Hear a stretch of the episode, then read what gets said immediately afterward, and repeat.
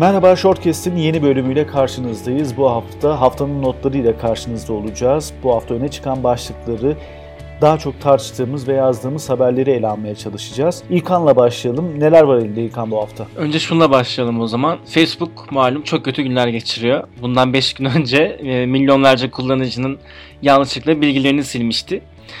Hatta Facebook hani insanların gözünde o kadar kötü bir konumda ki kullanıcılar bilgileri silindi diye sevinecek hale geldi. İşte hiç değilse çalınmadı şu an hiçbir yerde yok silindi falan diye. Çok ilginç bir durum.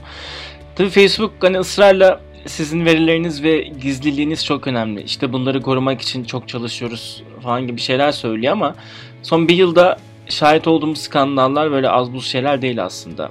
İşte en sonda 30 milyon kullanıcının yine bütün verilerini e, çaldırdı. Çok gizli verilerini arama geçmişine kadar. Benim çoğu arkadaşım işte çok büyük ihtiyaçları olmaması kaidesiyle e, hesaplarını kapatmaya başladı ve kapatmayanlar da çok ilgilenmiyor aslında. Geçen hafta hatta bir arkadaşıma mesaj attım. Daha bugün döndü bana işte kusura bakma görmemişim falan diye. Bununla ilgili bir de işte bir podcast yapmıştık. Onu da bir önerelim. Yani lafın kısası aslında Google ve Facebook el ele bizim verilerimizi yıllardır fütursuzca sağa sola yayıyor. O yüzden bu servisleri asgari düzeyde kullanmak e, yine tekrar söylerim herkes için en iyisi diye düşünüyorum ben. Bununla ilgili podcast'in yanı sıra Longback'imizi de önerelim. E, Google ve Facebook'un elinde hangi bilgilerimiz var e, çalışmamız, o çevirimiz e, çok dikkat çekici noktalara işaret ediyordu. Onu ele almakta da ilgili fayda de bir çevirimiz var. Evet, çevirilerimizin reklamı gibi oldu ama e, Facebook'la ilgili birkaç ekleme daha yapmak istiyorum ben. Bu skandalın boyutu aslında çok büyük tahmin ettiğimizden. 30 milyon kişiden bahsediyoruz ve bunların 14 milyonunun yaşadığı şehirden tut, doğum tarihine, dini inançlarından tut, e, politik görüşlerine, katıldığı gruplara veya yazıştığı birçok kişiye ilişkin önemli bilgiler ele geçirildi. Bununla ilgili ne olacak ne bitecek bilmiyorum. Avrupa Birliği büyük yaptırımlar hazırlığında nasıl sonuçlar alacaklar bunları da zaman gösterecek ama FBI bir soruşturma başlattı. Facebook hackten eklenenlerle doğrudan iletişim kurmaya başladı. Bir yandan da web sitesinde tıklayarak acaba hesabım etkilendi mi bundan diye test edebiliyorsun. Akla da şunu getirdi aslında tarihteki en büyük bu veri skandallarını ele almak gerekiyor belki de bir dosya olarak. Bu konuda Shortmack olarak yakın zamanda bir şeyler yapacağız ama şöyle hızlıca bir baktığımızda mesela 2013'teki 3 milyar kişinin e, etkilendiği Yahoo erişimi var. Mesela Yahoo'nun hacklenmesi çok önemliydi. 2016'da Adult Friend Finder uygulaması 412 milyon kişi hacklendi. Bilgileri ele geçirildi veri erişimiyle. eBay skandalı var 145 milyon kişi 2014'te. 2017'de yine Equifax'ın e, hacklenmesi vardı. Geçmişe baktığımızda bu tip büyük olaylar çıkıyor karşımıza. Ama Facebook'un bu erişilen kişi sayısı 30 milyon bir dünya rekoru değil ama 2018'e geldiğimizde ve ardı sıra gelen bu felaketlerle Facebook için karanlık bir nokta diyebiliriz bence. Evet sıradaki haberle devam edelim. Messenger Lite'la şimdi Facebook'a hazır girmişken e, bunu ele almadan geçmeyelim. Messenger Lite aslında daha çok Android'de karşılaştığımız bir yazılımıydı Facebook'un.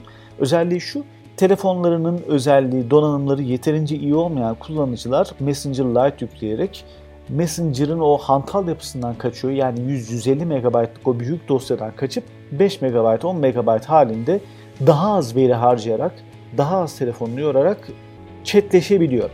Aslında Facebook'un bu içinde uygulamaydı ama bir süredir tamamen ondan ayırdı ve telefonda boşu boşuna yer tutan, Facebook'taki ufak da olsa mesajları almak için zaruri hale gelen bir uygulama oldu. Şimdi bu Messenger Lite uygulaması bu hafta iOS e, platformuna da geldi iOS'ta da 5 MB'lık bir dosya indiriyorsunuz ve çok rahat eski telefonlarınızda iPhone 5s'te, iPhone 6'da e, bunları kullanabiliyorsunuz. Ama bunun daha da ilginç bir noktası var.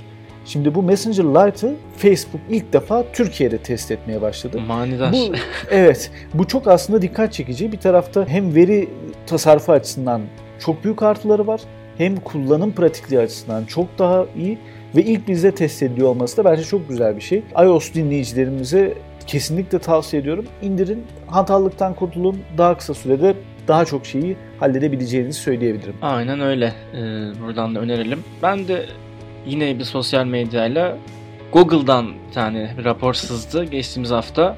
Google çalışanları tarafından e, yazılan bir rapor sızdı. Rapor dediğimde işte bir toplama yapmışlar. Son yaşanan olaylarla ilgili kendi fikirlerini toplamışlar. Hem çalışanların hem de işte biraz daha yüksekteki kişilerin. Çok ilginç bir şekilde Google raporda sanki kendisi Çin hükümetiyle işte el altından sansür anlaşmaları yapmıyormuşçasına işte sansürün hükümetler ve şirketler tarafından bireylerin özgürlüklerini sınırlamak için kullanılabileceğini falan böyle söylüyor. Hatta bayağı bir kabul ediyor bunu.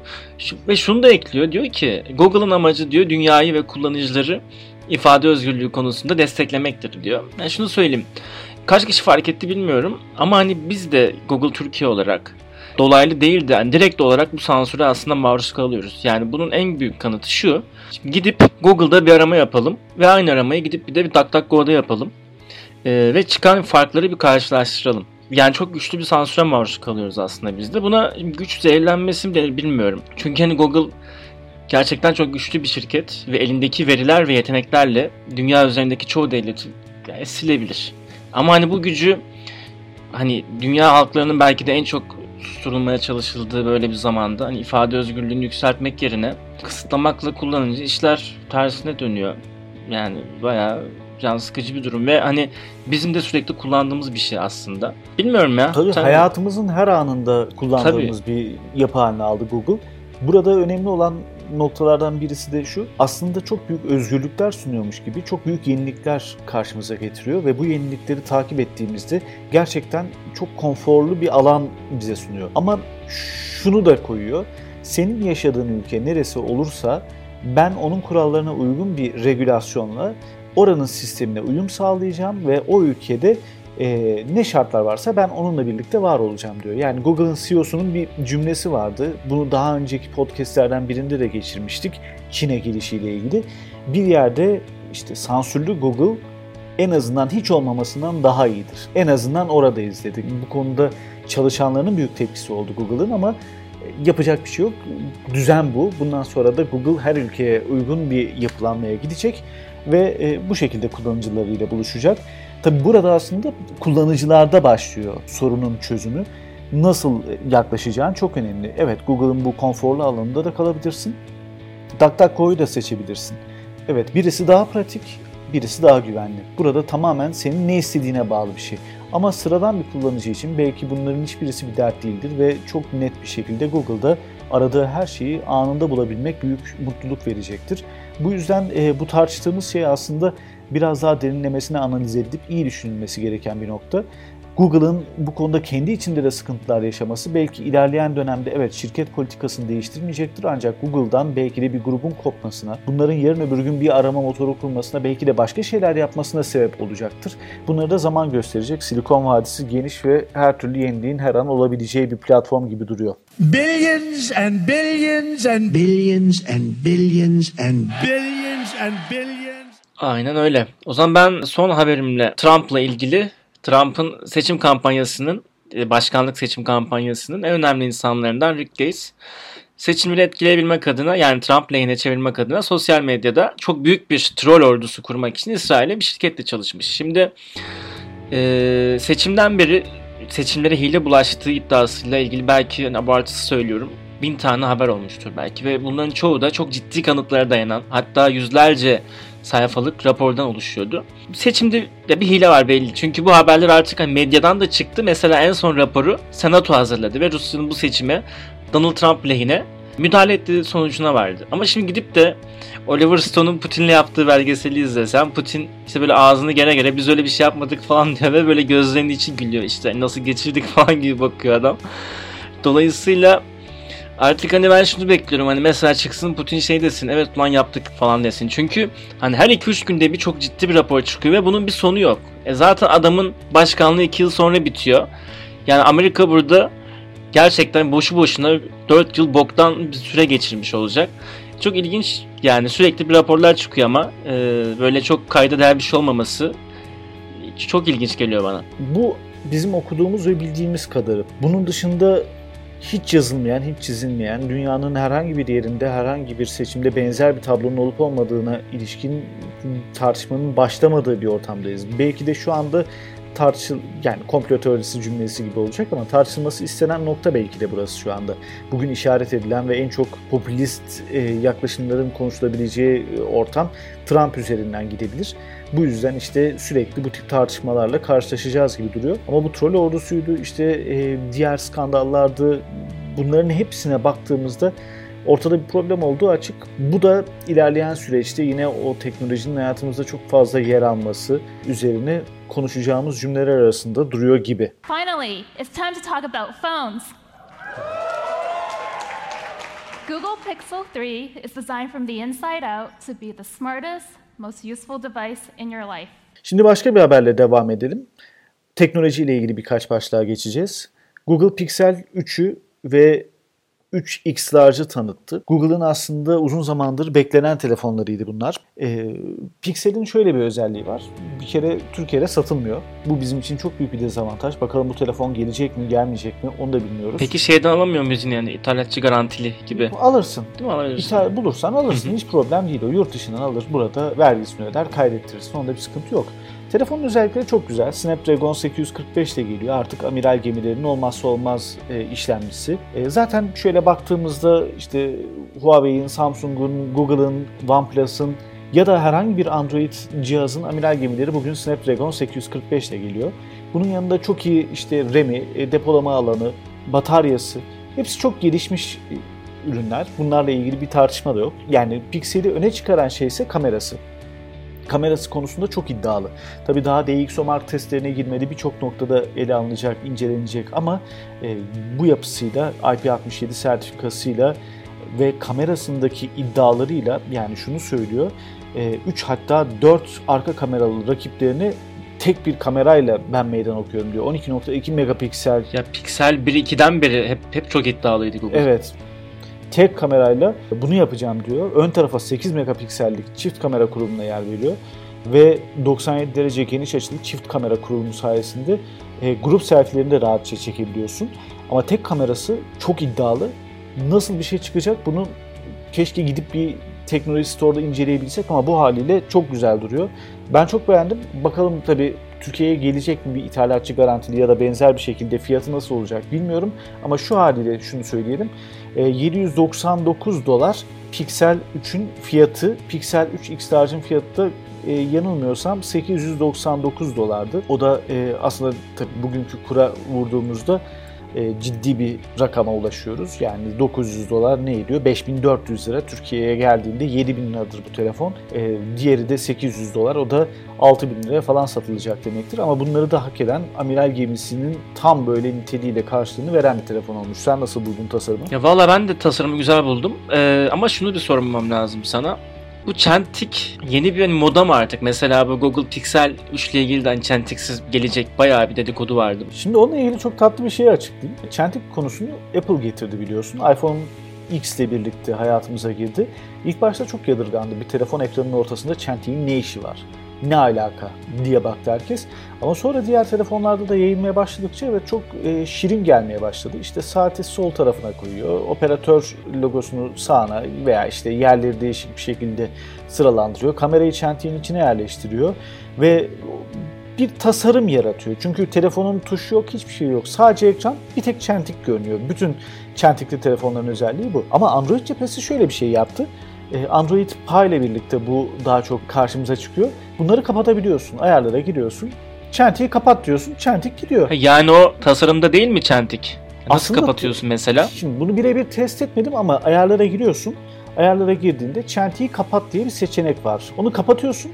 Kapattığında ekran hiç çentik olmamış gibi dümdüz oluyor. Dümdüz oluyor. Ama bu modellerin tabi tasarımları şimdi büyük ekranlı bir telefonda o çentiği de arıyorsun çentiğe baktıktan sonra. Yani ondan vazgeçemiyorsun. Bu önümüzdeki sürecin yegane parçası olacak gibi. Sanki 1-2 yıl daha tasarımlarda göreceğiz çentiği. Ben o çentiği hani fiziki bir çentik gibi düşündüm aslında. Bazı telefonlarda fiziki ama Android Pie ile birlikte daha yaygın ve ayarlardan kaldırılabilir hale geldi. Kapalı halinde görmedim. Kapalı haline de bakmak lazım ama kapatabiliyoruz ayarlardan. Böyle bir özelliği var. Evet umarım biz de alırız ve şey var kafamda. İşte Google'ın telefonu ve yakında Google Pixel'lerin içine gizli bir çip yerleştirilmiş falan sizi böyle işte ortam dinlemesi falan yapar.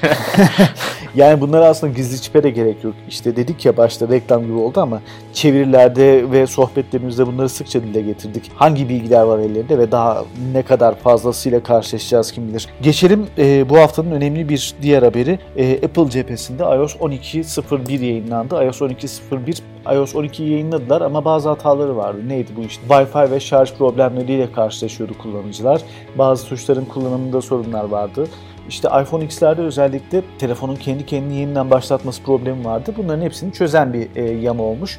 Mutlaka yükleyin. Zaten ben şunu söylüyorum. iOS 12'yi özellikle iPhone 5'si ve üstü olan bütün kullanıcılar mutlaka yüklesin. Çünkü bu iOS 11 gibi işte telefonun belli özelliklerini e, yavaşlatmıyor. Kesinlikle diğer işletim sistemlerine kıyasla bu versiyonda hızlandırma ve gerçekten stabil o Apple'ın eski yoluna doğru götüren bir yapısı var. Bunun aslında kullanıcılardan karşılığı da e, alınmış durumda. Bunun da e, haberini verelim. Bundan önceki yıl iOS 11 piyasaya çıktıktan bir buçuk ay kadar sonra kullanıcıların yarısından fazlasına anca erişti. Ama bu güncelleme kullanıcılar daha 3 haftada şu anda Apple kullanıcılarının %60'ı iOS 12'ye geçmiş durumda. Bu çok iyi bir rakam.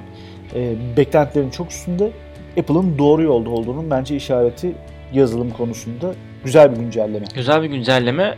Bir de hani bundan sonraki yıl mesela ben daha fazla olacağını düşünüyorum. Çünkü e, hani yeni nesil tuşsuz ekran e, modelleri de çoğaldıkça iOS 12'nin işte 13'ün 14'ün o tür ekranlarda daha fazla numarası olacak ve daha fazla indirilecek ve insanlar daha fazla zevk alacaktır diye düşünüyorum. E, neşeli bir haberle noktalayalım. Neşeli, eğlenceli bir teknoloji haberi. Bir evet. E, bu aslında e, şaşırtıcı. Bizde tabii böyle bir veri hesaplanamıyor. Nasıl sonuçlar çıkar onu da bilmiyorum ama çok eğlenceli bir haber. Şimdi Amazon'un bir sesli asistanı var. Bu ne? İşte nasıl ki iPhone'un Siri'si varsa Amazon'un da Alexa adını verdiği e, bir asistan. Bu da işte çeşitli alanlarda yardımcı oluyor, tavsiyelerde bulunuyor veya benzeri öneriler sunuyor kullanıcısına. Alexa, what do you do? I can play music, answer questions, get the news and weather, create to-do lists and much more. Awesome. Huh. Alexa, play rock music. Rock music. Alexa stop. Şimdi bununla ilgili 2017'ye ilişkin verileri açıkladı Amazon. 1 milyondan fazla kullanıcı Alexa'ya evlenme teklif etmiş.